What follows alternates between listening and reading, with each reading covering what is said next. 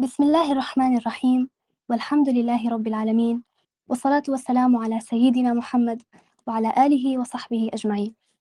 رب اشرح لي صدري ويسر لي أمري واحلل عقدة من لساني يفقه قولي.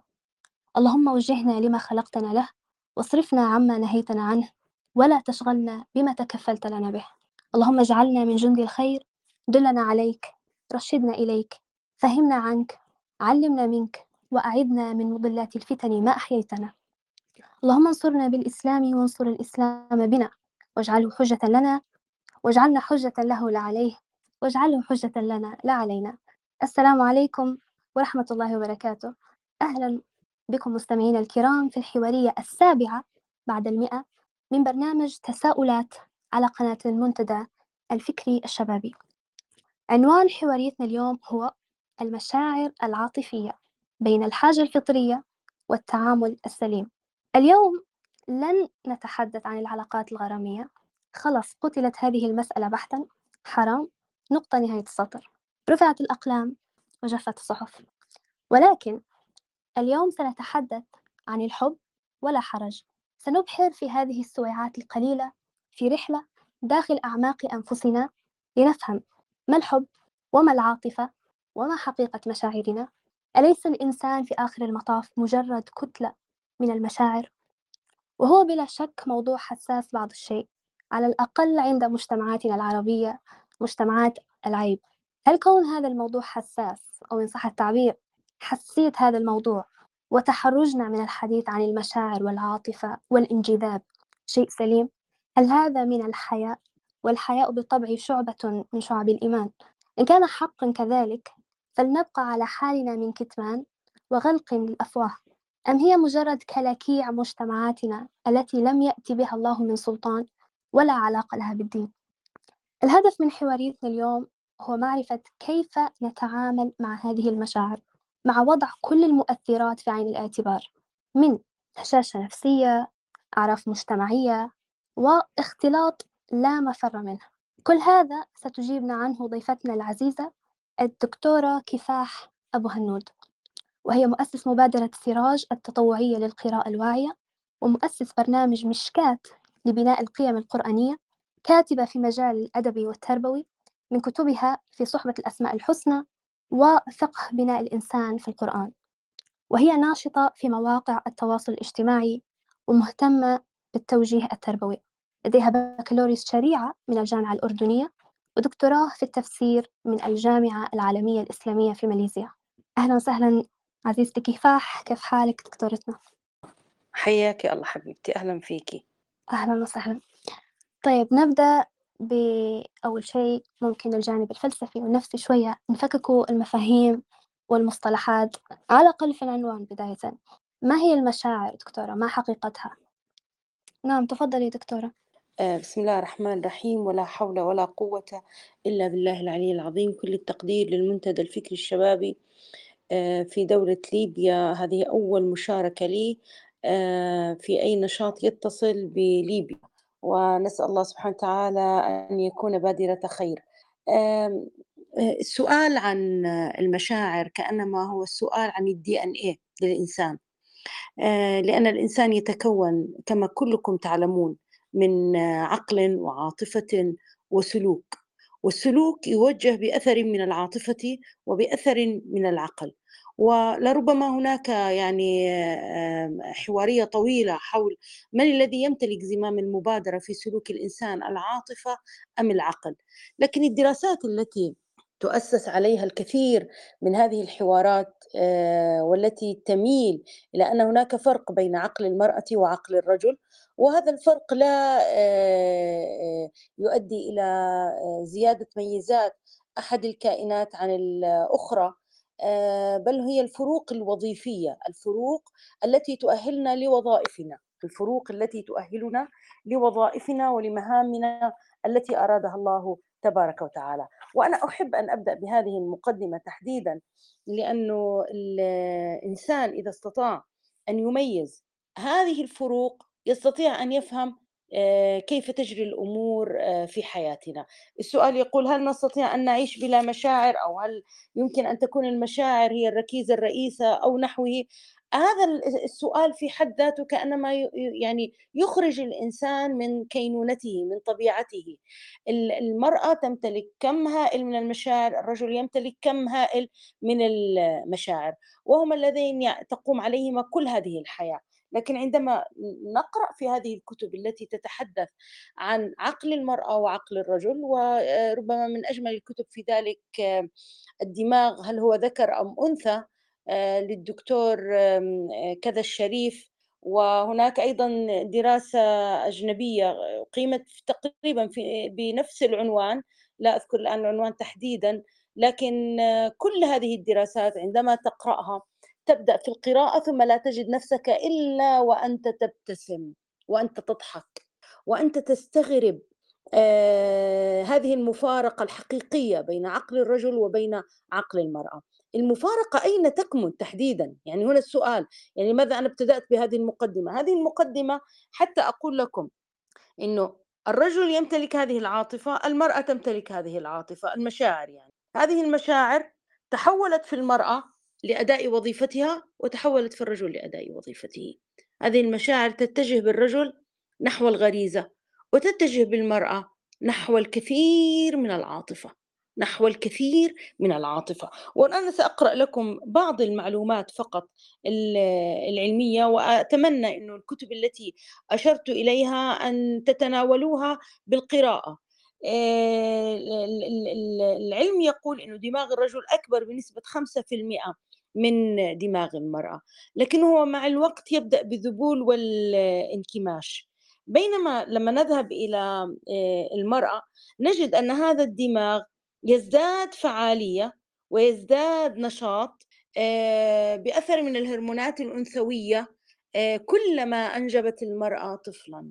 وهذه الهرمونات الأنثوية تدفع بالمشاعر إلى نشاط عالي جدا. هذا الحالة الشعورية التي تعيشها الأم كلما أنجبت طفلا اي أن الهرمونات والنشاط الأنثوي يزداد في جسد المرأة.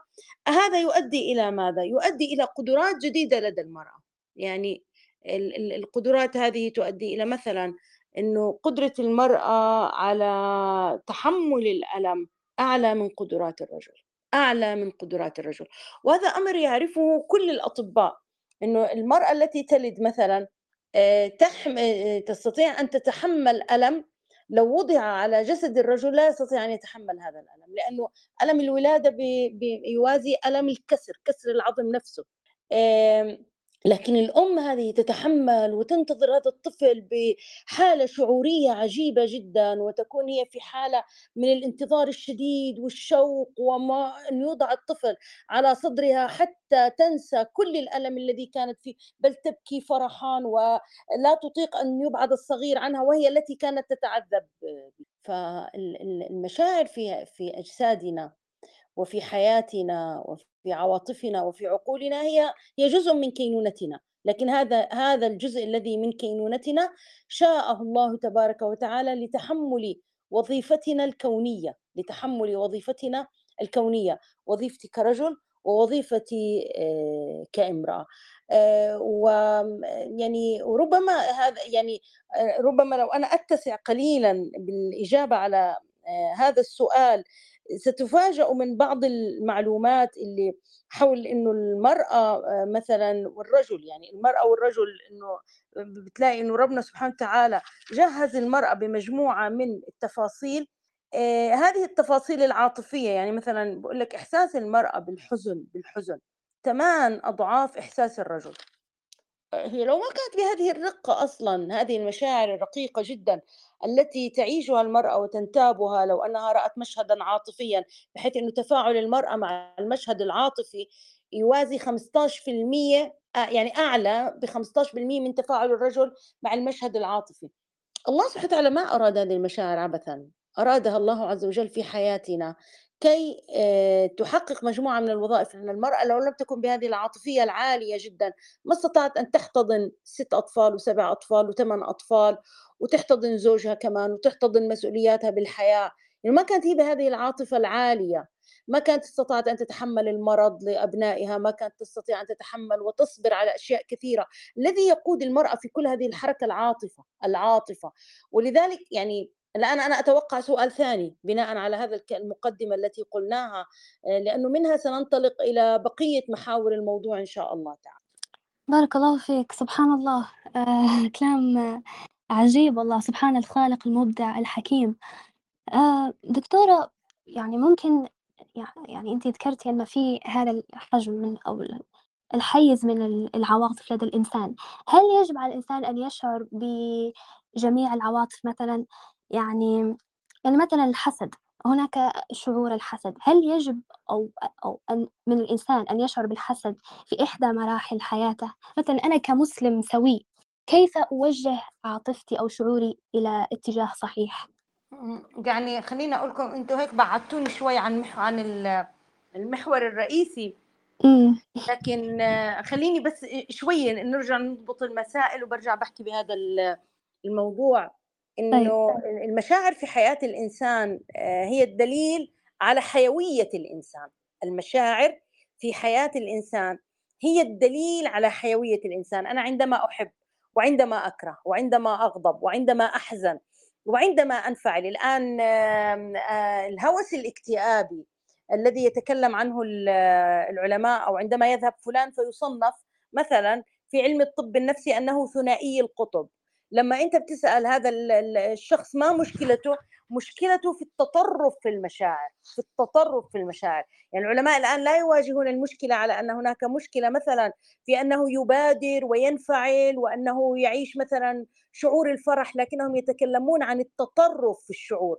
أنه في لحظة يكون بحالة فرح عارم جدا وفي لحظة في حالة حزن عارم جدا.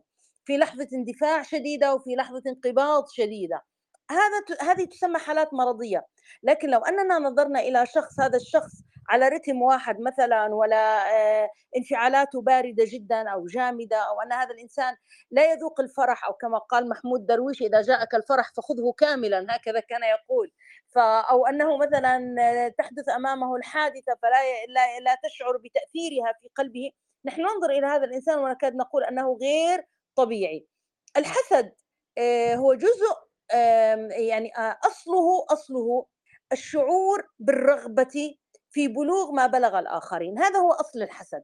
لكن إذا نحن جئنا إلى آه، مشاعر الإنسان الطبيعية المشاعر هذه الأصل فيها أنا قبل قليل قلت لكم مثلا أن المرأة تتفاعل مع المشاهد العاطفية بما يزيد عن 15% من الرجل. الآن في المقابل لو أنا وزوجي نحضر في مثلا برنامج وحدثت نفس الحادثة فأنا وياه بنفس الانفعال. أنا بكيت وهو بكى في نفس الانفعال بنفس الطريقة من الانفعال. آه، ربما إذا كان هناك أحد يلاحظ المشهد من بعيد فيقول غريب يعني غريب أن هذا الرجل ينفعل بنفس طريقة المرأة. لأنه الأصل الأصل إنه في المشاعر الأصل في المشاعر أن تتمايز المرأة عن الرجل هذا اولا. ثانيا الأصل في المشاعر أن تكون طبيعية بمعنى آخر مثلما نفرح نحزن ومثلما نحب نكره. هذا الأصل في المشاعر. والأمر الثالث أن لا نجعل المشاعر أن لا نجعل المشاعر هي التي تقود وحدها السلوك وهذا الذي أنا بدأت به مقدمتي. قلت أن أن الإنسان هو عبارة عن عقل وعاطفة وسلوك. وهذا السلوك يتجه بتأثير من العاطفة ومن العقل. فالأصل أن الإنسان لا يدع عاطفته هي التي تتحكم فيه. نأتي الآن إلى قضية المشاعر السلبية كالحسد كالكراهية المفرطة كالرغبة في الانتقام وكل هذه القضايا. هذه سببها أن الإنسان ترك العنانة لعاطفته ولم يفكر بعقله. بمعنى آخر عندما أنا أحسد فلان لأنه ارتبط بفتاة مثلا جميلة أنظر وأعلم إنه هذا الإنسان مثلا آه، كانت حصته في من النساء أفضل من حصتي أنا مثلا. هذا يدل على أن الإنسان لا يستطيع أن يدرك معنى الحكمة الإلهية أن هذه الفتاة قد تكون هي الأنسب لهذا الشاب. الأمر الثاني أن السعادة ليست كلها في امتلاك الإنسان فتاة جميلة. الأمر الثالث نحن لا ندري ماذا في الغيوب ربما أعطاه الله سبحانه وتعالى حصة من الجمال لكن منع عنه شيئا آخرا. فإذا قرأ الإنسان المشهد بعقله هدأت عاطفته هدأت عاطفته. واستطاع أن يأخذ موقفا سلوكيا هادئا فلا يؤذيه ولا يرغب مثل قابيل وهابيل آه، في قتله ولا يرغب في إيذائه ولا يرغب في الانتقاص منه أو الاحتقار أو حتى يتمنى له السوء لأنه قرأ المشهد بعقله. نعم دكتورة بارك الله فيك. بهي كيف كيف ممكن الإنسان أن يتعامل مع العاطفة هذه الخاطئة أو السلبية؟ كيف يقرأ بعقله؟ يعني يعني كيف يقرأ؟ بعقله دعوني آه، أحملكم مرة أخرى إلى العلاقة بين الرجل والمرأة تحديدا. نحن لو لو آه، تركت العلاقات بين النساء والرجال مثلا كنوع من آه، كعاطفة قد تتحول إلى عاطفة إيجابية أو سلبية. إذا تركت العلاقات بين الرجال والنساء لتأخذ المنحى الغرائزي لتأخذ المنحى الغرائزي.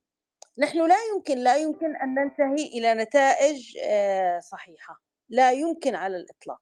آه، ولكن ما الذي يمنع الرجل من أن يتحول إلى آه، حالة من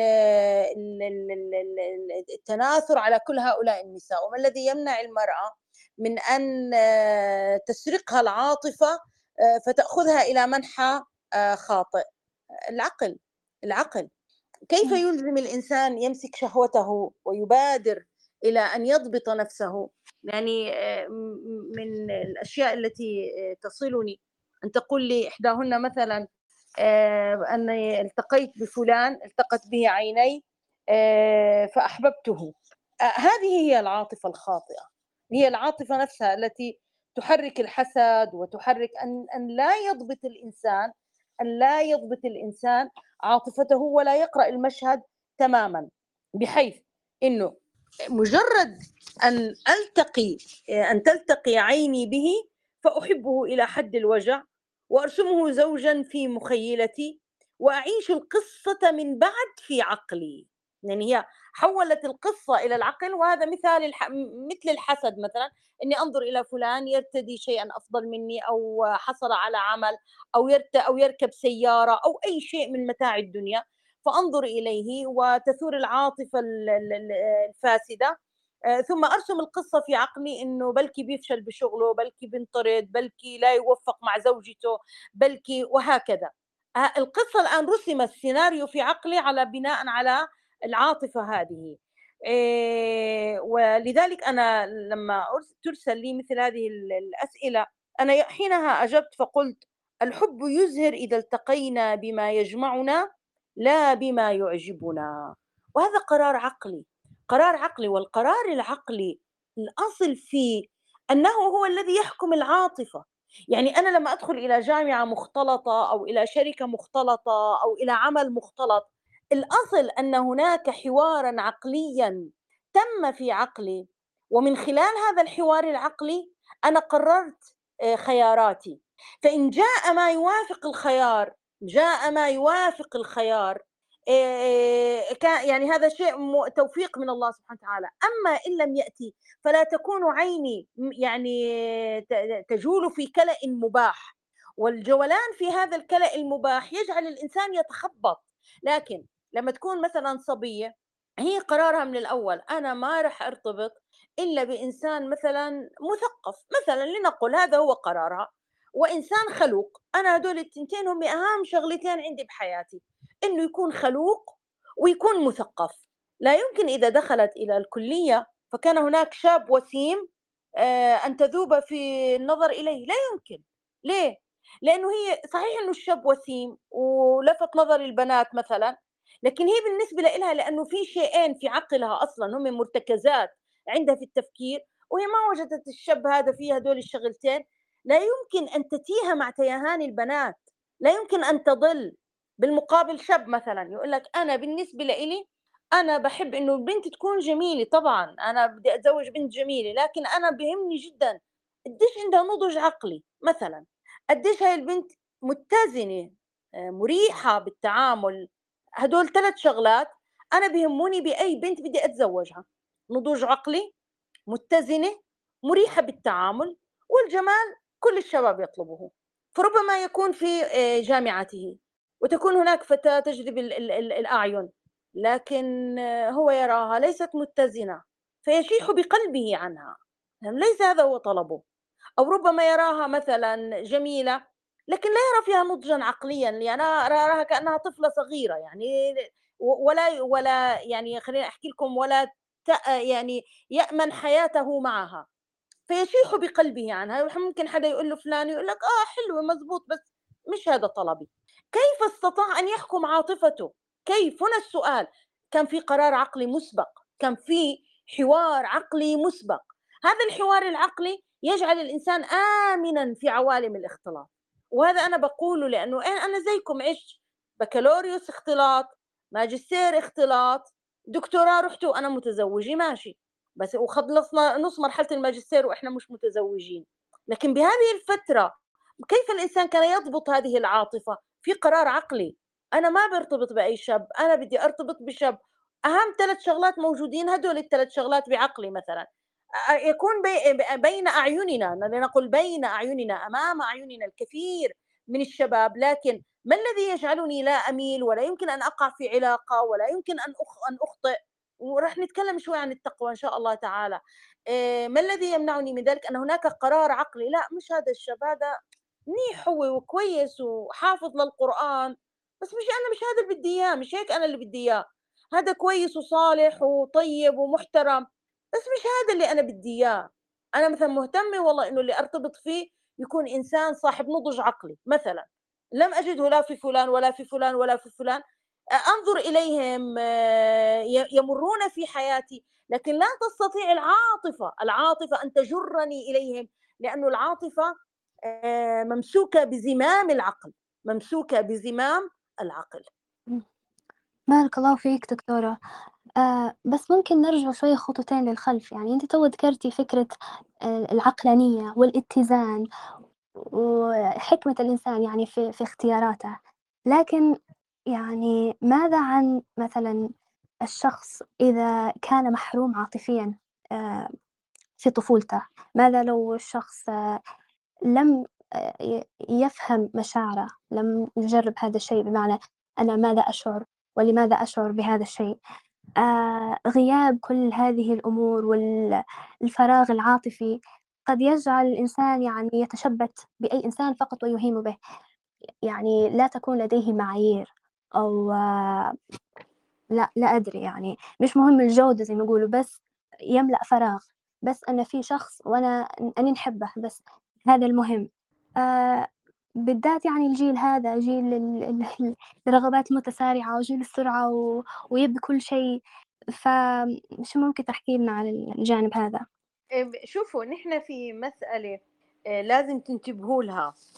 إنه آه، إحنا في بيوتنا وفي أسرنا نعيش حالة الجفاف العاطفي.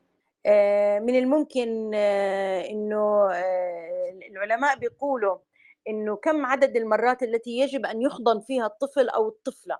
والطفل والطفلة لا يعني أولئك الصغار لا الطفل والطفلة مرحلة طويلة يعني ممكن توصل إلى 14 سنة وإحنا بنقول هدول لسه أطفال صغار. آه، وإنه إلى أي درجة نحن نحتاج إلى التلامس الجسدي مع الآباء ومع الأمهات.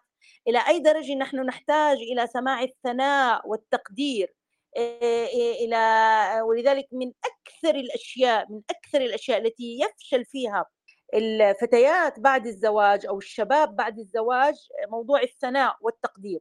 يعني أنا بدي أحكي معكم لأنه أنا يعني تصلني آلاف الاستشارات.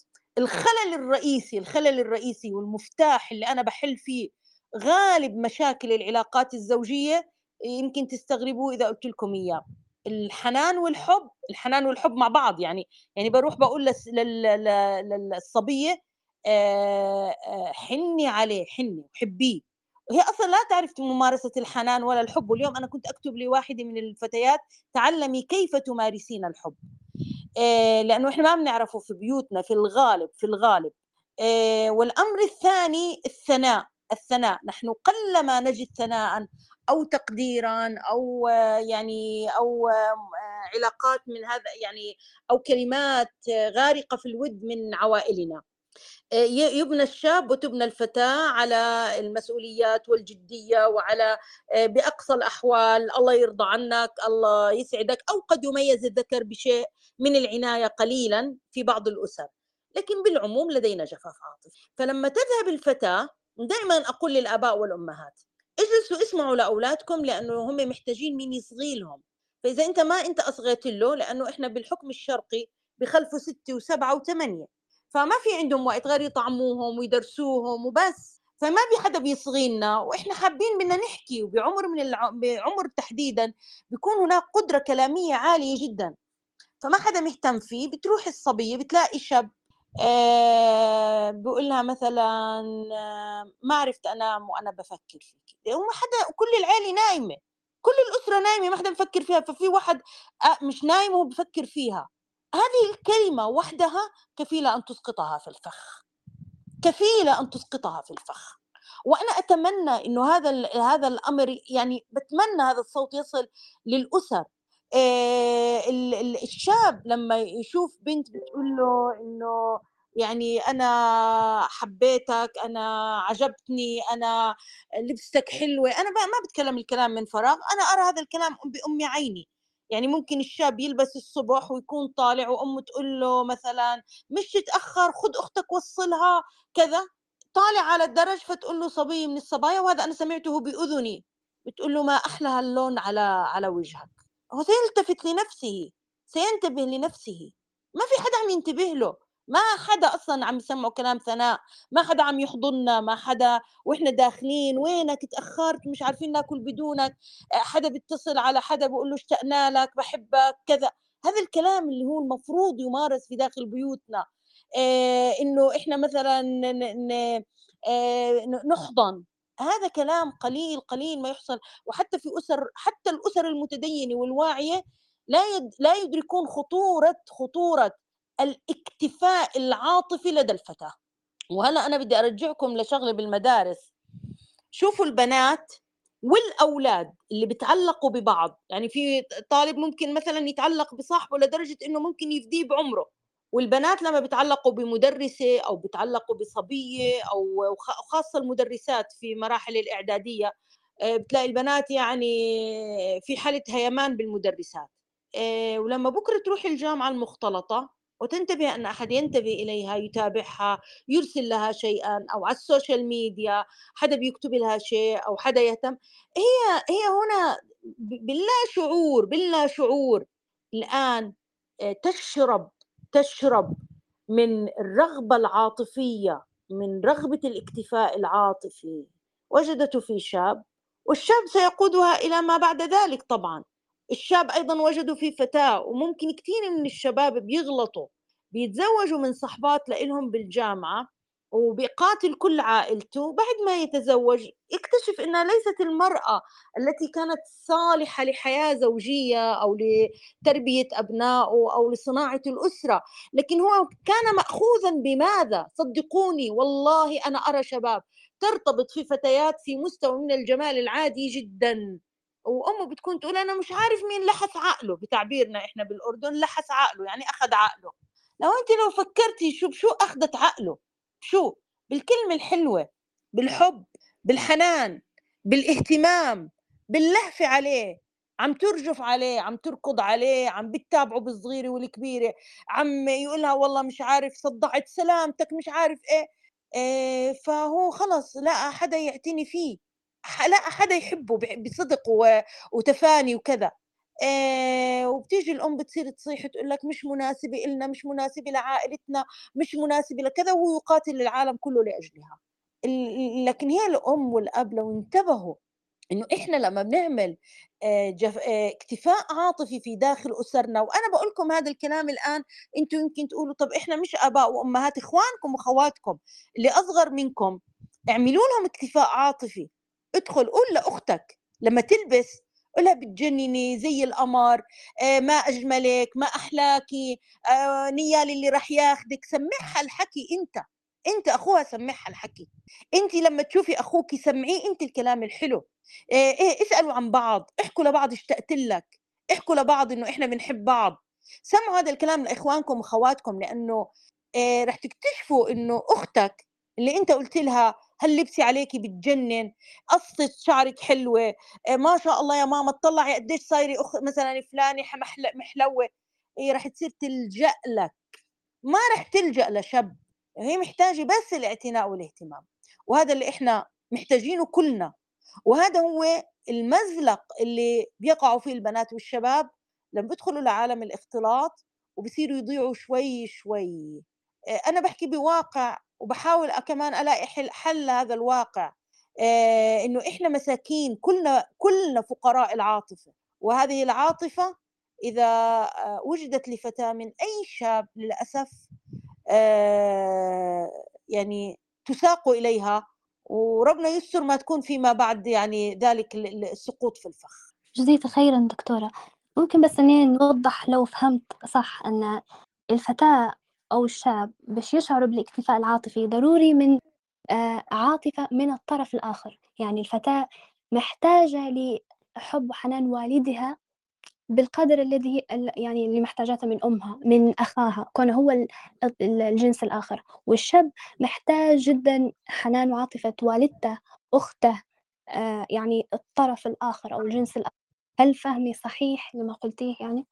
آه طبعًا، طبعًا يعني ولذلك أنا شوفوا وهي من رؤيتنا للأسر، ال الشاب اللي بيكون نشأ في أسرة فيها اكتفاء عاطفي واهتمام واعتناء ومتابعة وتقدير وثناء وشبعان عاطفيًا، آآ ستفاجؤون إذا قُلت لكم أنه حتى عندما يتزوج آآ يتزوج وهو متزن، وهو متزن، والفتاة أيضًا المُشبعة عاطفيًا من أسرتها عندما طريقة انتظارها للارتباط تكون طريقة هادئة جدًا، يعني مش مستعجلة على الزواج ولا إنه هي بتستنى أي حدا يدق الباب ولا حتى حتحب أي شخص عابر سبيل، وفي نفس الوقت تقدّر رأي عائلتها، تقدّر رأي عائلتها فيما سترتبط به، وتكون مشاعرها مشاعر يعني سوية. في التعامل مع يعني فكرة فارس الأحلام هاي اللي كل البنات بيستنوها فارس الأحلام هي إيه من وين جاي الفكرة؟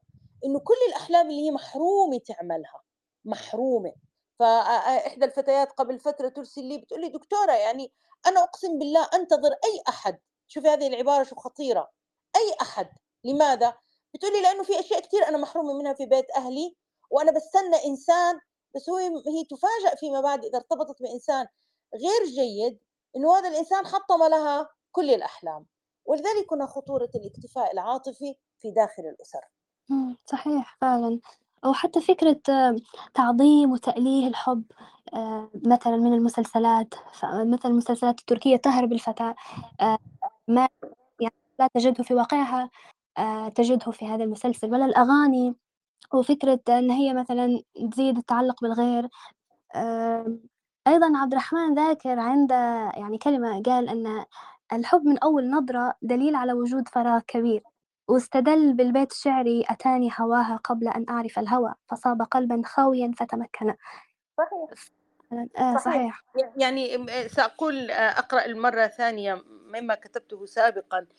إمم، آآ عندما قُلت: "الحب يزهر إذا التقينا بما يجمعنا." وأنا كنت سبقت قُلت إنه القرار العقلي آآ إذا كان هناك سويّة نفسية آآ يمسك بالزمام ال بزمام العاطفة. الحب يزهر إذا التقينا بما يجمعنا لا بما يعجبنا. الحب خُلُق جميل تصنعه الأحداث والمواقف وكريم التضحيات التي تولد كلما عركتنا الحياة كما تماما يولد من حبي لأمي أو من حبي لأستاذي أو من حبي لتخصصي أو من حبي لصديقتي هذا الحب ولد بسبب المواقف لكن الحب ليس نظرة هائمة ولا أمنية متخيلة. يعني هذا الحب آه، آه، س- سأسميه الحب الساذج الذي يأتي من وراء المشاعر التي جاءت من وراء نظرة وهذه النظرة لا يمكن لا يمكن أن نعتبرها نظرة آه، قائمة ومبنية على آه، قرار آه، سليم. طيب آآ أنتِ تحدثتِ عن النظرة، آآ أنا كان عندي مفهوم لربما هو خاطئ وأنتِ تصححي لي، أن الجانب البصري أساسي في إعجاب الشاب، أن أول شيء ينظر من هنا يأتي الإعجاب يعني قبل الحب. فممكن آه، مثلا نسموا الأشياء بمسمياتها الصحيحة. كيف يحدث الميل؟ آه، هل في ترتيب معين؟ مثلا ميل إعجاب حب عشق؟ آه، أين تقع الفتنة مثلا بينهم؟ شوفوا في بعض الأفكار اللي نحن مسكونين فيها إنه الشاب يحكمه البصر. صحيح إنه والله سبحانه وتعالى لما أمر بغض الأبصار غضوا من أبصاركم من هنا تبعيضية. والغض هو الخفض آه، وليس الإطباق التام. فمطلوب من الشاب أن لا يحدق ولا أن يسمح لبصره أن يتملى. لأن البصر آه، هو البريد بريد القلب عند الرجل. لكن هذا البصر يكون بريد القلب إذا كان الإنسان فارغا. إذا كان الإنسان فارغا. وأنا أرجع أؤكد على قضية إنه ماذا تريد أنت من الزواج ومن الارتباط؟ بدليل أن كثير من الشباب آه، قد يعمل مع فتيات تكون في غاية الجمال إذا كان هو آه، مليء عقليا وإنسان يعني آه، تمسك عاطفته عقله يمسك عاطفته. هذا الشاب إذا كان اشتغل أو درس أو نحوه ينظر إليها ربما تشده. لكن خليها في المحاضرة تحكي ولا آه، يكون نقاشها غوغائي ولا يكون مثلا آه، سلوكياتها غير متزنة. آه، ربما بعد فترة قصيرة جدا. لك لا شو مش هيك إحنا مش هذه اللي أنا بدي إياها. ماشي حلوة ما بقول إنها مش حلوة حلوة بس مش هذا اللي أنا بدي إياه. هذا الأمر مهم جدا إنكم تفهموه.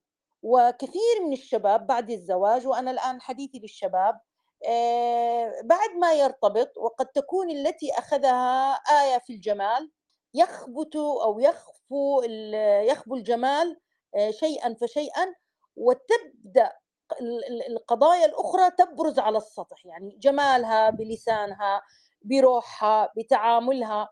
والادل على ذلك الادل على ذلك إنه إحنا لما نرى ارتباط بعض الشباب بفتيات ربما تكون في مستوى من الجمال حتى أنت تتفاجئين إنه فلان ارتبط بفلانة لكن هو بالنسبة له تملأ قلبه وعقله وعينه وكل شيء.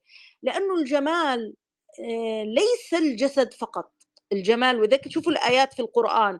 لما منعت المرأة من إبداء الزينة ما قالت ولا يبدين آه، جمالهن؟ قالت ولا يبدين زينتهن. الزينة هي السلوك الجسدي. يعني ما أضعه أنا على وجهي من أصباغ ما أرتديه من ثياب ما تبرز به المرأة مفاتنها. هذه هي الزينة المنهي عنها. لكن القرآن ما قال لا يبدين جمالهن. وهذا سبق في آه، اختيار المفردة القرآنية. الجمال لأن الجمال قد يكون جمال العقل جمال الروح جمال السلوك جمال اللسان. والشعر قال ذلك الأذن تعشق قبل العين أحيانا. يعني بمعنى آخر إنه منطق فلانة لغتها طريقة تفكيرها كذا قد يطغى قد يطغى. وهذا الأمر اللي هو يشكل الجمال الكامل المتكامل. أحد الشباب يذكر لي أخي كان يدرس في ألمانيا ويقول لي يعني أحد الشباب تزوج من فتاة وهي عربية. فيقول لي كانت هذه الفتاة جميلة لدرجة أنها يعني أن أننا نحن نعيش في ألمانيا والفتيات يعني في أوروبا بالعموم يتميزن آه، بالجمال يعني العالي. فيقول لي كانت هذه الفتاة العربية إذا وجدت بين الألمانيات تطغى على جمالهن. فبعد ست شهور من زواج هذا الشاب آه، تجرأ أحدهم وسأله سؤال وقال له يا فلان أنا أريد أن أسألك سؤالا. يعني كيف هو شعورك عندما يتزوج الإنسان من فتاة بارعة الجمال؟ فابتسم الشاب قال والله كنت أنتظر هذه هذا السؤال من الجميع. قال لهم أنا لا أكتمكم أن هذا الأمر يعني يشكل الإنسان يعني ميزة عالية جدا. لكن الأمر لا يزيد عن الأشهر الست الأولى. يقول بعد ذلك يعتاد الإنسان على شيء ربما يدهش الآخرين والذي يسيطر الآن على بناء الحب وصناعة الحب وعلى فيض المشاعر التي تتدفق من الرجل نحو هذه الزوجة هو جمال من نوع آخر اللي هو جمال الأخلاق التعامل لسانها مواقفها حنيتها رقيها حبها تضحياتها سلوكها سلوكها. فهو بصير يحبها الآن بالمواقف. ولذلك الإمام أحمد بن حنبل لما قيل له عن زوجتين عن أختين واحدة يعني التنتين جميلات لكن الثانية في عينها شيء يعني شيء بسيط في مشكلة بعينها. فقال أيهما أرجح عقلا؟ قالوا له الثانية التي في عينها شيء. قال هذه أتزوجها؟ آه، لليوم كله يعني. وتلك أتزوجها يعني يعني بمعنى آخر أي علاقة بين بين الفتاة بين زوج وزوجته آه، ستكون علاقة يعني مؤقتة العلاقة الجسدية. لكن بقية اليوم أنا أريد امرأة أحبها والحب لا يأتي من مجرد الشكل. وحتى تفهم الفتيات ما سأقول لنقلب الصفحة أو نقلب الحديث لجهة الفتيات. أنت أخذت شاب وسيم آه، وجميل. وفي غاية الأناقة آه، ثم اكتشفتي أنه إيه؟ أنه سيء يشتمك يؤذيك بلسانه. آه، بخيل. صفة من الصفات واحدة بس أنا ما بدي تفكروا أنه في كل الصفات لا. تخيلوا مثلا بيشتمك يضربك مثلا. بخيل مثلا واحدة منهم من هدول. حجر كل حريتك. أناني. ما الذي يبقى من جماله ووسامته وانت ماشية كل البنات نفسهم فيه؟ ممكن تجيكي لحظة تقولي خذوه ما بدي إياه. أصلا أنا صاحباتي مبسوطين في الحياة أكثر مني. ما الذي تبقى الآن بعد أن من جماله؟ لم يتبقى شيء لذلك الجمال الجسدي. مهما كان بريقه مهما كان بريقه مؤقت والذي يطغى هو الجمال الكلي. نعم أكيد. آه بالطبع يعني آه تذكرت يعني قول ابن القيم تقريبا أو آه أو ابن حزم في طوق الحمامة يذكر فكرة المشاكلة و آه لا لا أستغفر الله ابن القيم يذكر فكرة الحب يعني جهتين من الحب زي ما ذكرت آه. أنت آه ابن حزم اللي يتكلم في المشاكلة ابن حزم ابن حزم طيب بس قبل ابن حزم ابن القيم حين قال أن يعني آه إذا زادت العلة مثلا آه مثلا الجمال زاد الحب وإذا نقصت نقص الحب. ما كان جمال مال اللي هو. بس فكرة المشاكلة فكرة أنك تصادف جوهر نفسك آه فهذه تقريبا قال أنها يعني لا تزول أو شيء من هذا القبيل ولا تضمحل. بس طيب دكتورة في في شيء آخر يعني. آه بعض البنات يعني لا تدرس بالجامعات ولا يخرجن من البيوت. فما فيش فرصة أن هي تتعرف على شاب أو شاب يتعرف عليها. فما الحل معهن؟ بالذات أن يعني خاصة في ليبيا مجتمعنا محافظ لحد كبير. هذا شن شن سبب؟ يعني فكرة أن أصبحت الفتاة آه، توضع تحت ضغط كبير أن يراها الشاب خوفا طبعا من الوقوع في العنوسة. فتقوم بالظهور مثلا على التواصل الاجتماعي نشر صور بهذه النية الطيبة خلينا نقوله. فما الحل مع ذلك في رأيك؟ الحل إحنا نساعد بعض. إحنا نساعد بعض. إيه، زي نحن عندنا في برنامج مشكاة آه، هذا البرنامج الذي أعتز بإدارته والذي يقوم على القراءة وسماع محاضرات أسبوعية آه، أنا أقدمها لجيل السيدات والفتيات. آه، هنا نحن نساعد بعضنا البعض. يعني أنا عندما أرى فتاة تتميز بأخلاقيات و يعني ومنحت روحا جميلة وشخصية ويليق بها ويليق بها إنسان طيب. نحن ندل على بعضنا البعض. وصدقوني هاي الطريقة اللي كانت الناس فيها زمان وكانوا يسموه الزواج التقليدي. وكان هذا الزواج التقليدي هو الزواج اللي أثبتت الدراسات اليوم أنه الزواج الذي استمر. يعني معظم الزيجات التقليدية استمرت والزيجات التي تمت عن طريق تقديم أفضل ما عندي وتجميل نفسي بكل ما أستطيع في الواقع الافتراضي أو في الواقع الذي هو ليس واقعا يعني نكتشف فيه بعضنا البعض. آه، انتهت بالطلاق وانتهت للأسف يعني في غالبها لا لا أقول كلها في غالبها إحنا عندنا نسب طلاق الآن ترتفع كثيرا في العالم. دعونا نتساءل ليه؟ لأنه إحنا آه، الناس الآن مالت للتزييف مالت للتزييف في العلاقات. فإحنا من المهم جدا أن نساعد بعضنا البعض.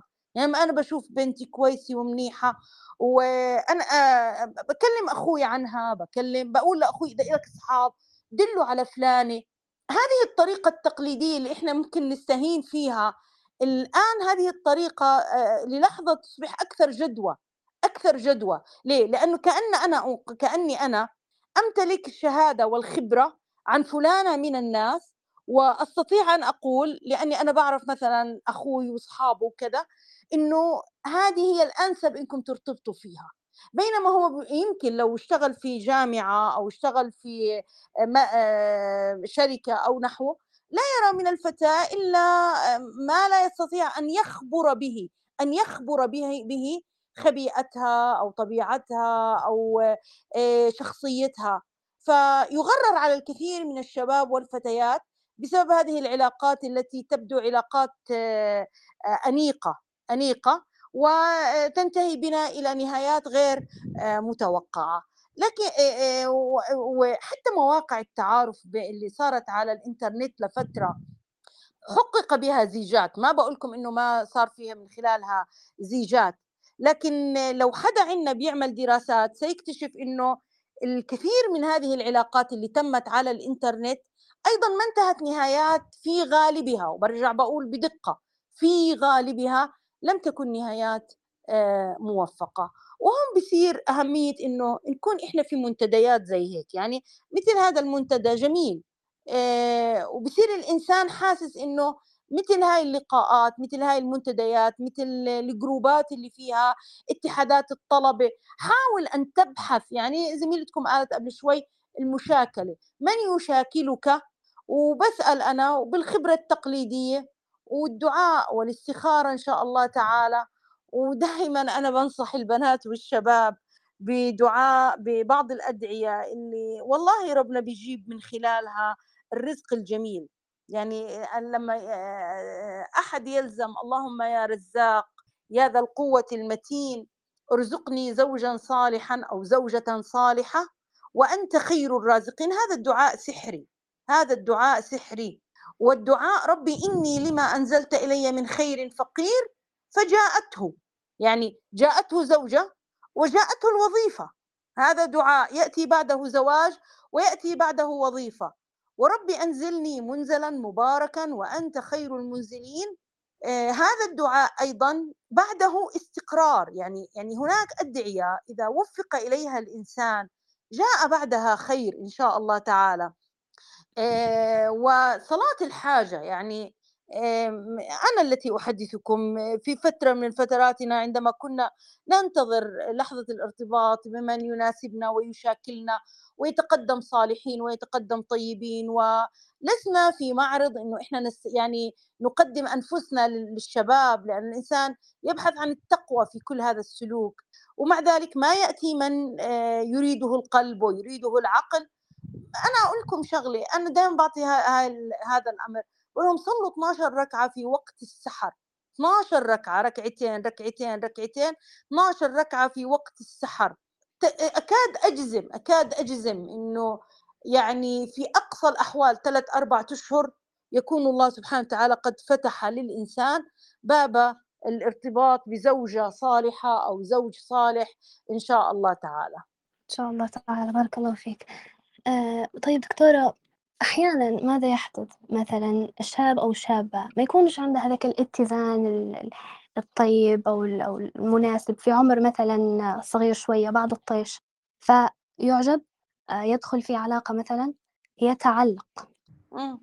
مرور فترة من الوقت يجد أن لأ هذا الشخص غير مناسب وهو لم يعد يُعجب به، هو يحبه ولكن ليس معجب به، لكن خلاص يعني طاح الفاس على الراس زي ما يقولوا، هو متعلق. كيف نتعامل مع التعلق هذا المؤذي، العلاقات المؤذية آآ ما الحل؟ أ هون نيجي لقضية الهشاشة النفسية، وربما هناك كتاب في هذا الاتجاه، ومهم جدًا إنه إحنا حتى في تربيتنا آآ لابد أن نربي المشاعر ونربي إدارة المشاعر، إدارة المشاعر. آآ الكثير من الرسائل التي تصلنا تصلني أوجههم فيها إلى إدارة المشاعر.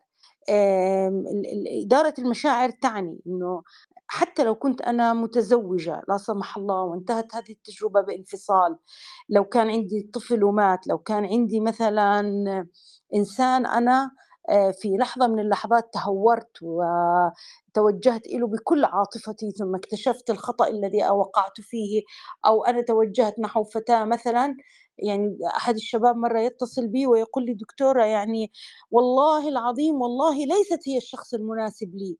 لكن هي الفتاة هاي متعلقة بي تعلق شديد جدا. وأنا ما فعلت شيء يعني زي ما قلت لكم رسمته في آه، أحببته ثم تعلقت به في مخيلتي ثم رسمته زوجا في عقلي. يعني هذا كل السيناريو هي عملته وإحنا قلنا ما هو السبب. قلنا إنه السبب في جفاف عاطفي عالي في حياتها ويقول وقلت له طب أنت كيف هي تعلقت فيك؟ بيقول لي يعني أنا بع أنا مسؤول عن كأنه المادي في الجامعة بيعمل ملخصات وكذا فأنا بلا أنا أنا لطيف مع الجميع. هي ما فسرت هذا اللطف معاها لأنه هي ما مورس اللطف معها سابقا.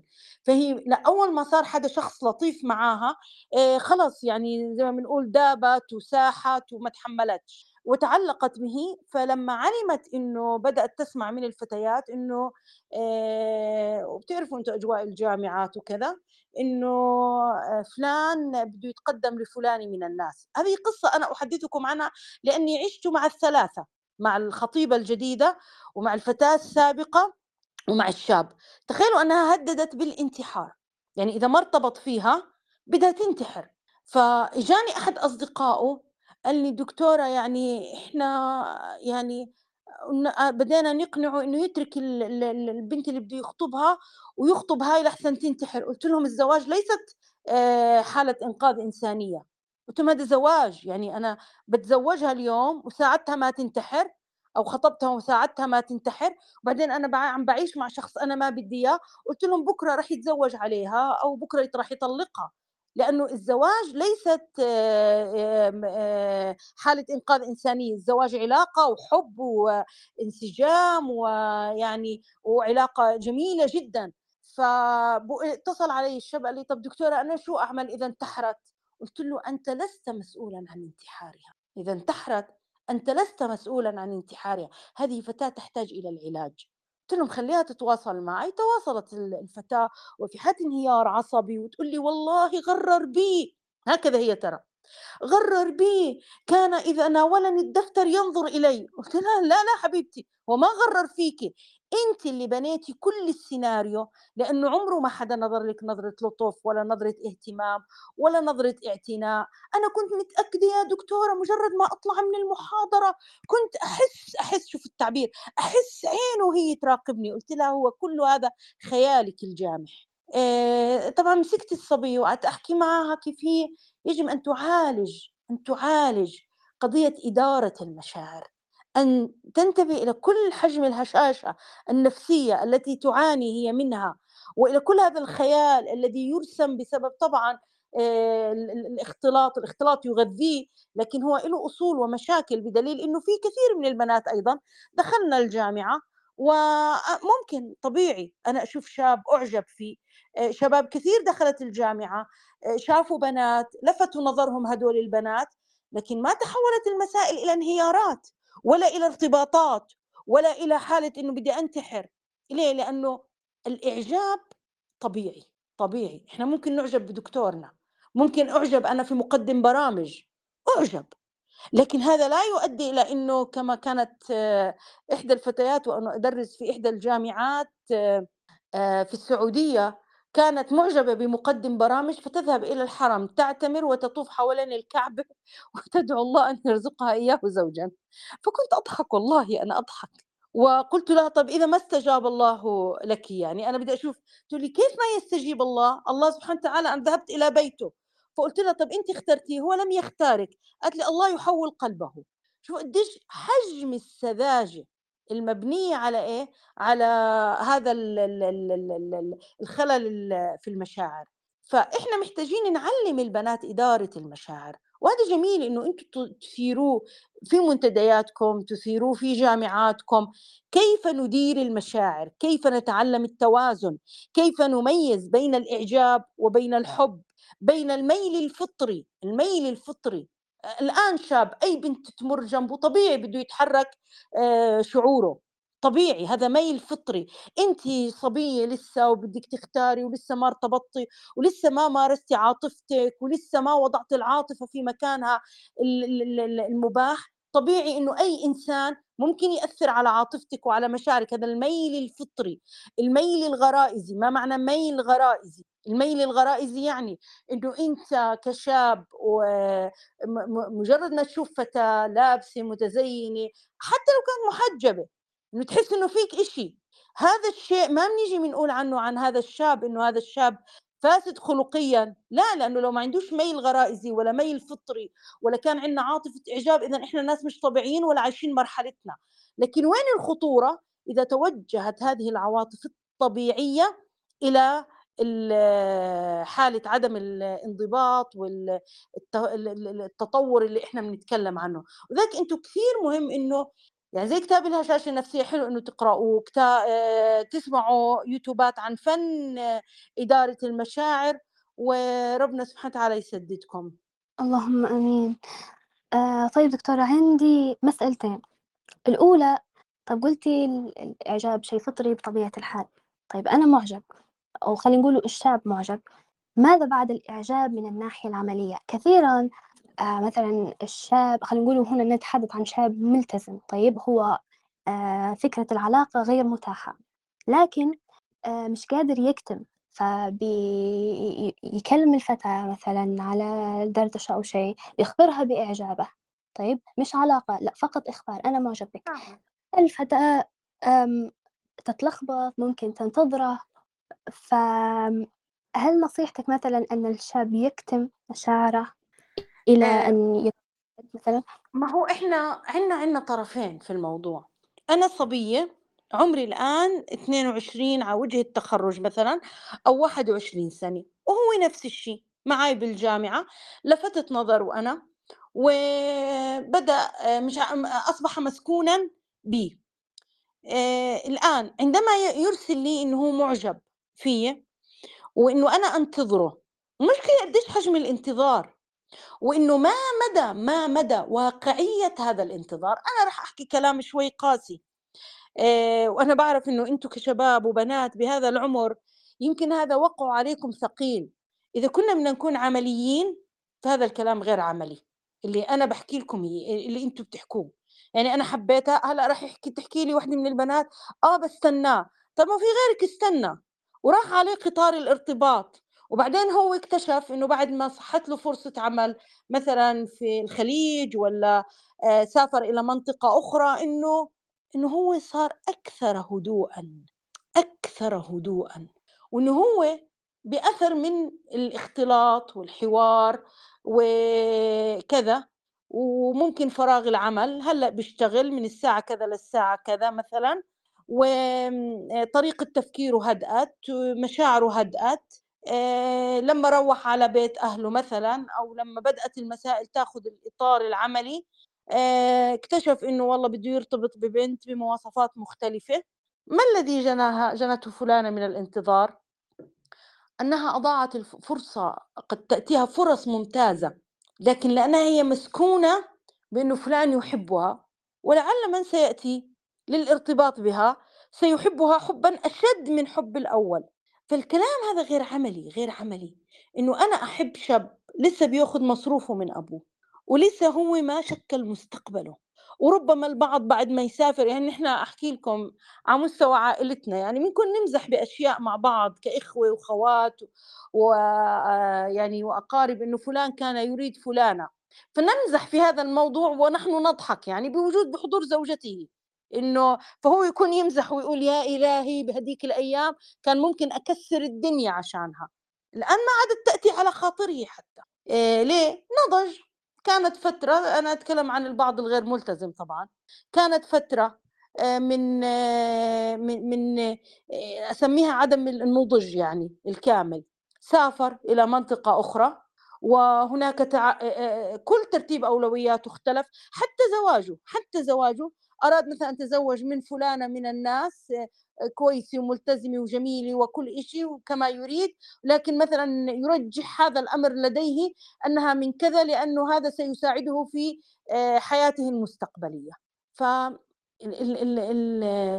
لابد ليش ليش بقول لكم لابد لابد العقل العقل يمسك شوي زمام العاطفة اللي بعدين البنت لما بروح هو بيرتبط بتنهار وبتقول لك خانني وغدرني وكذب علي و و و و. أنا أرى أن الأولى في ذلك كله لو أنا معجب بفتاة ممكن أرسل عن طريق أختي أقولها أنا بتمناكي وأنا كذا أنا ممكن إنه كمان سنة أو سنتين أأمن ظروفي وأوضاعي إيه، وتستخير وتستخير الله في ذلك وتصدق في ذلك وأن لا تمارس أي خطأ.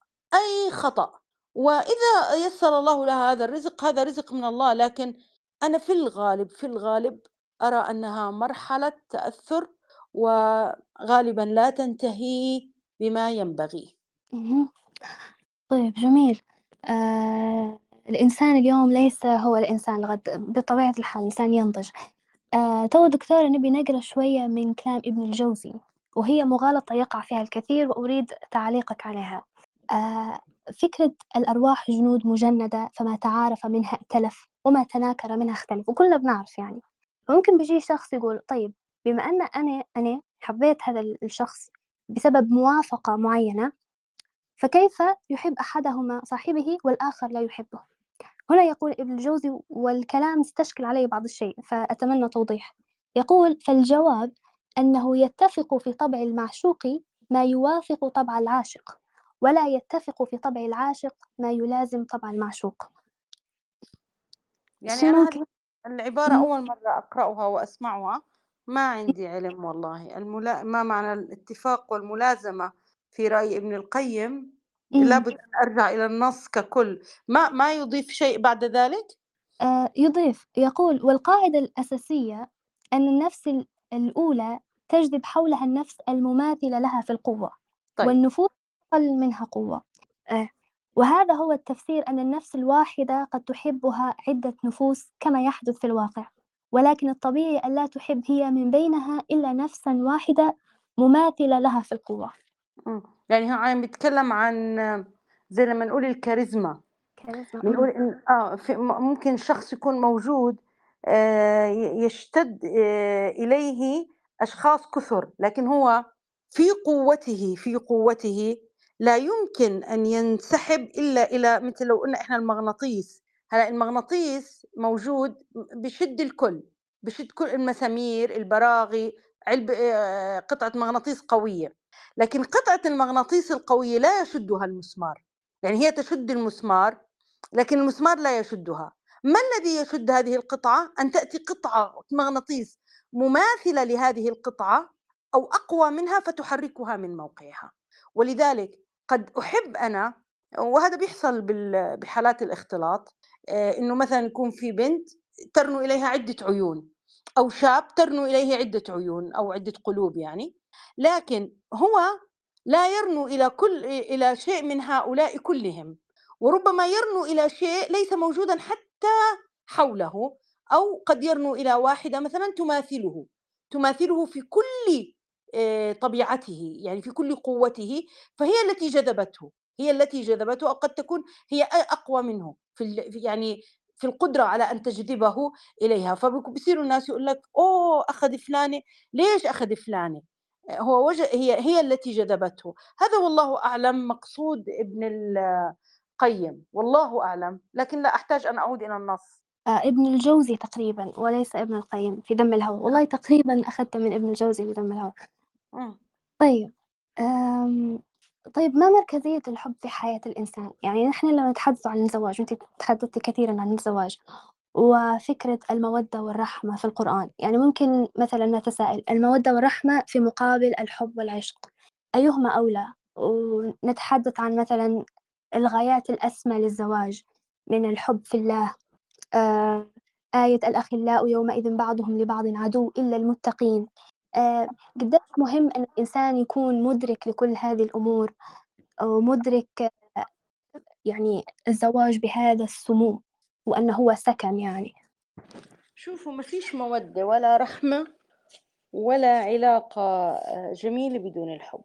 ما في. الحب مركزي. وثقوا إنه إذا كان الحب موجودا آه، الأشياء كثير من الأشياء آه، يمكن إنه تصبح يسيرة وسهلة لكن الحب صناعة الحب صناعة. يعني مرة قلت عبارة إذا رأيت آه، الرجل يكرم قلب امرأة فلا يأذن للدموع أن تنسكب من عينيها آه، فهو يفهم معنى الحب. آه، ابحثوا عن الحب الأصيل الذي يظل يتدفق حتى تتكسر أمامه صخور الطريق.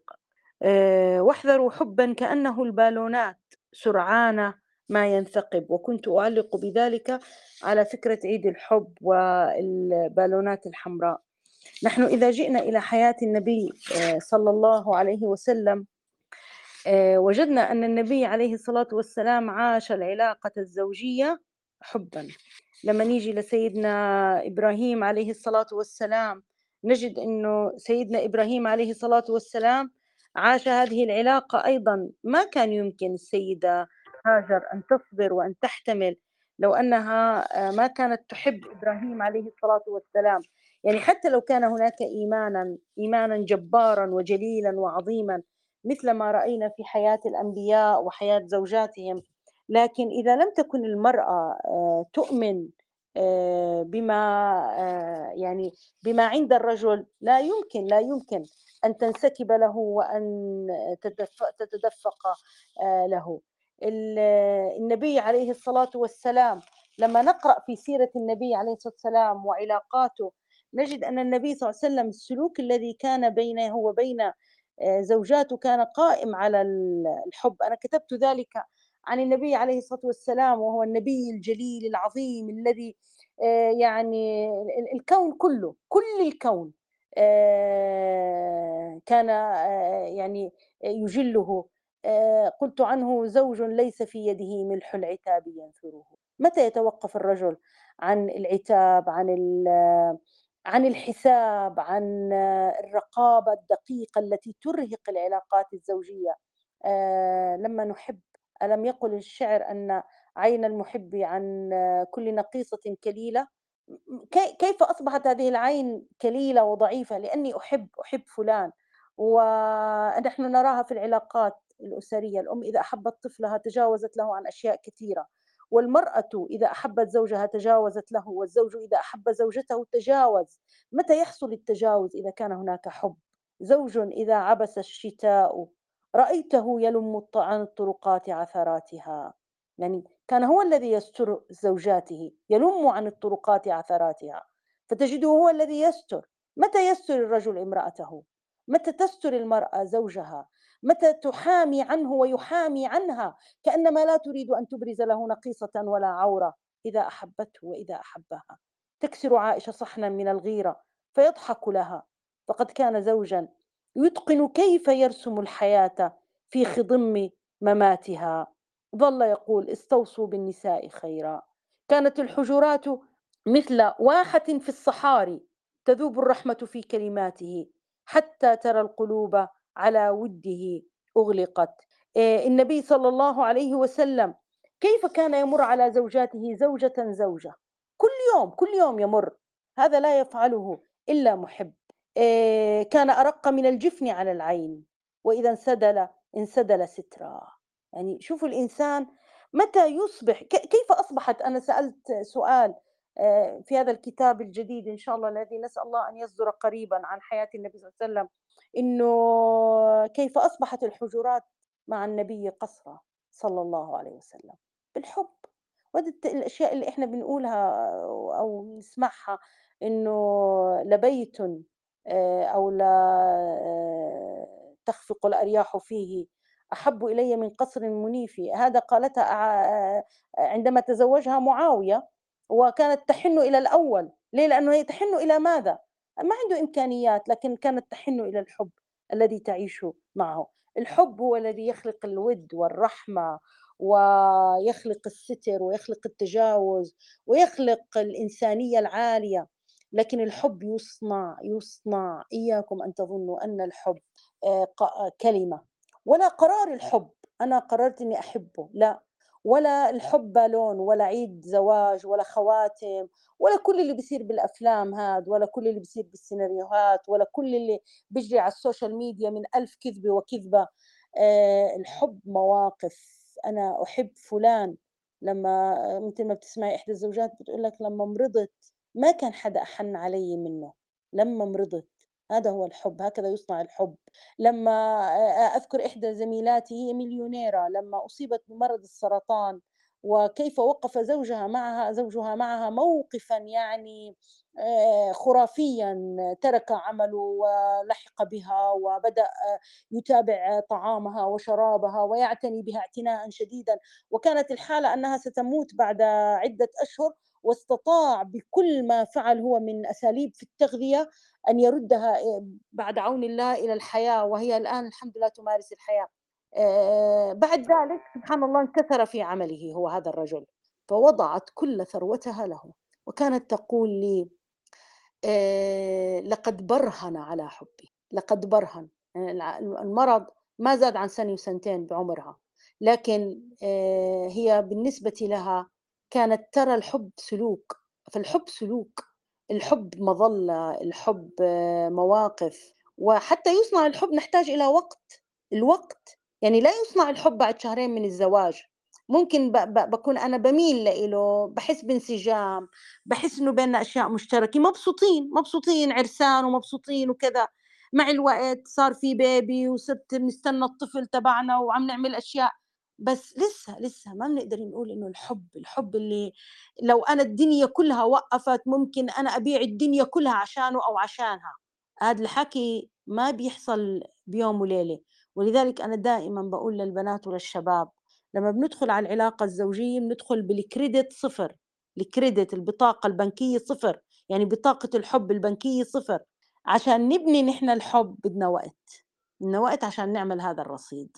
وبالدعاء وبالتقوى وبالتوازن وإن شاء الله تعالى بالبناء الصحي السليم لعلاقة الحب ستذوقون كل هذه المشاعر الطيبة وستعيشونها وستدوم لكم الأيام إن شاء الله تعالى بكل جمالها. ليس المهم أن نحب هلأ في الآن في فترة الجامعة هذه فترة تأجيج الغرائز ولا في فترة العمل المختلط هذه فترة تأجيج غرائز. المهم أن نعيش الحب في كل يوم أن نستطيع أن نحياه ما بقينا إن شاء الله تعالى. وهذا الذي نراهن عليه يمكن صعب الإنسان يتحدث عن حياته الخاصة لكن بدي أقول لكم شغلة الحب أجمل أجمل عاطفة ممكن أن يعيشها الإنسان.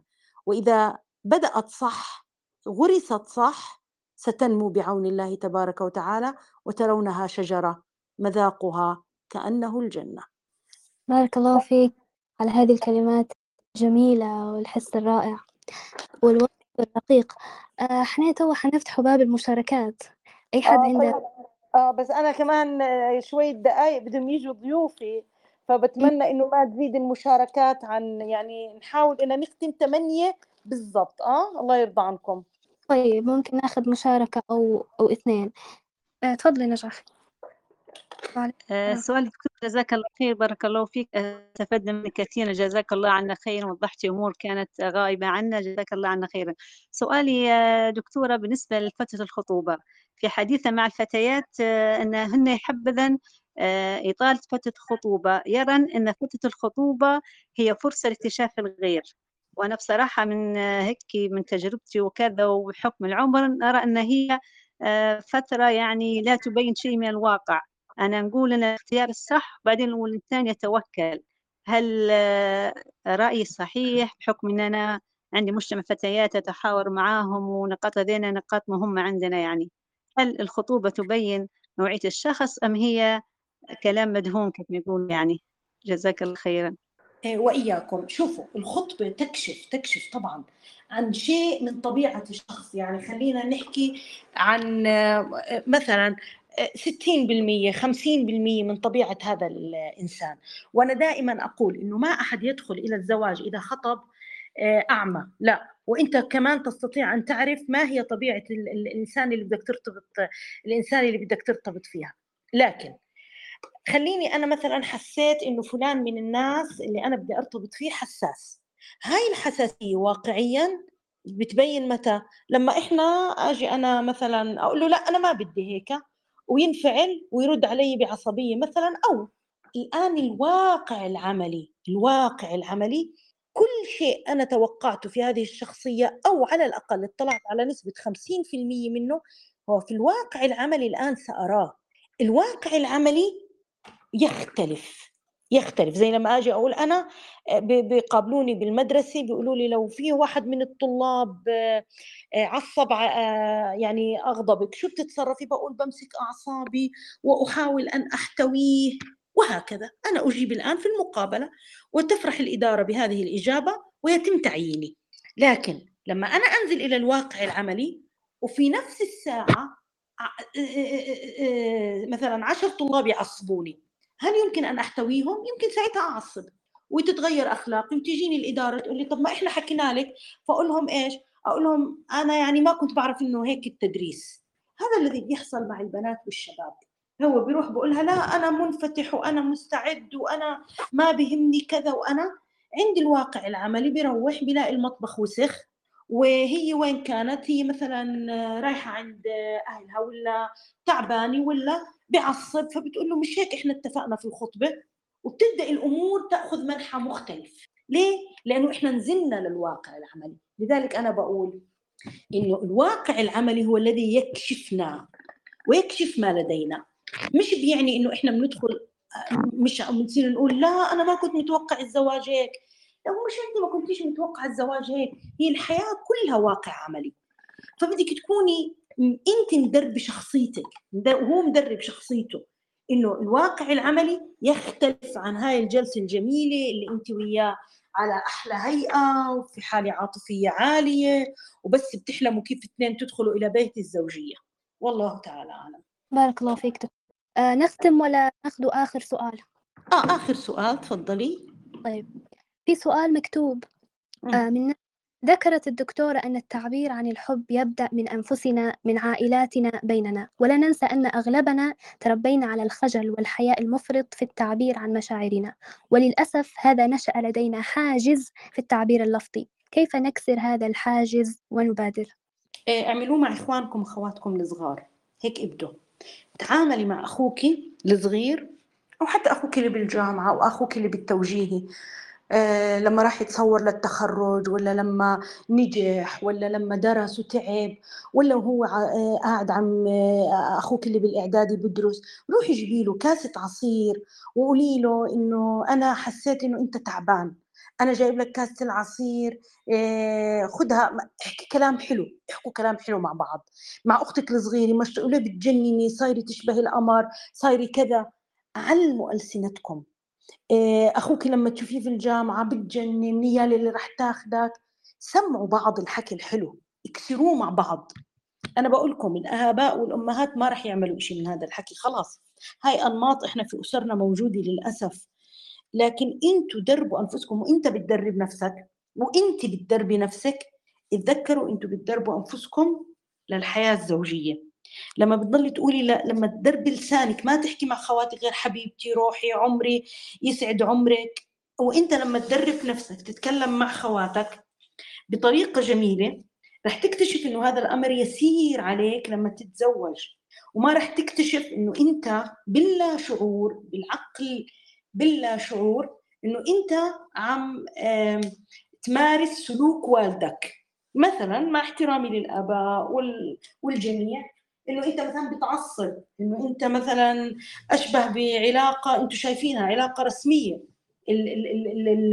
وطرائق في التعامل. حتى الأهالي بيستحوا يعبروا عن الحب بيستحوا يعبروا. فمارسوه أنتم مع الصغار والصغار هدول بصير. كمان نقطة ثانية أنت بتستفيد وهم بيستفيدوا. بصير عنده اكتفاء عاطفي وقت تسمعوا البعض في بعض الأسر إنه بتقول لك أخوي كان معبي علي حياتي.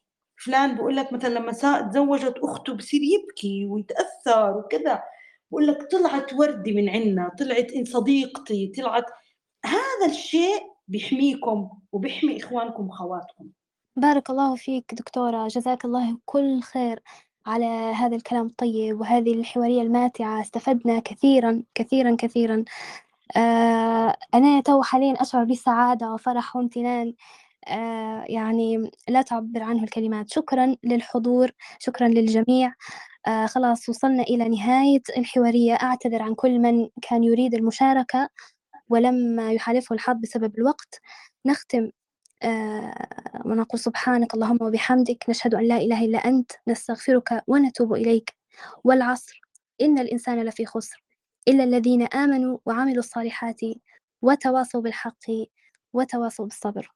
طيب وأنا كمان حبيبتي بدي أشكركم وأنا سعيدة جدا بأول لقاء جميل ناضج واعي مع آه هذا المنتدى في ليبيا. فتحتم لي نافذة على مكان جميل أنا أحبه أصلا ليبيا وأتمنى زيارتها. وإن شاء الله تعالى إنه نلتقيكم في فرص أخرى. كل التقدير لكم وكل الفرح بكم والله. إن شاء الله مش آخر لقاء. خلاص أنت أصبحتي صديقة المنتدى. بارك حبيبتي الله الله يرحمكم طيب السلام عليكم ورحمة الله وبركاته. مع السلامة.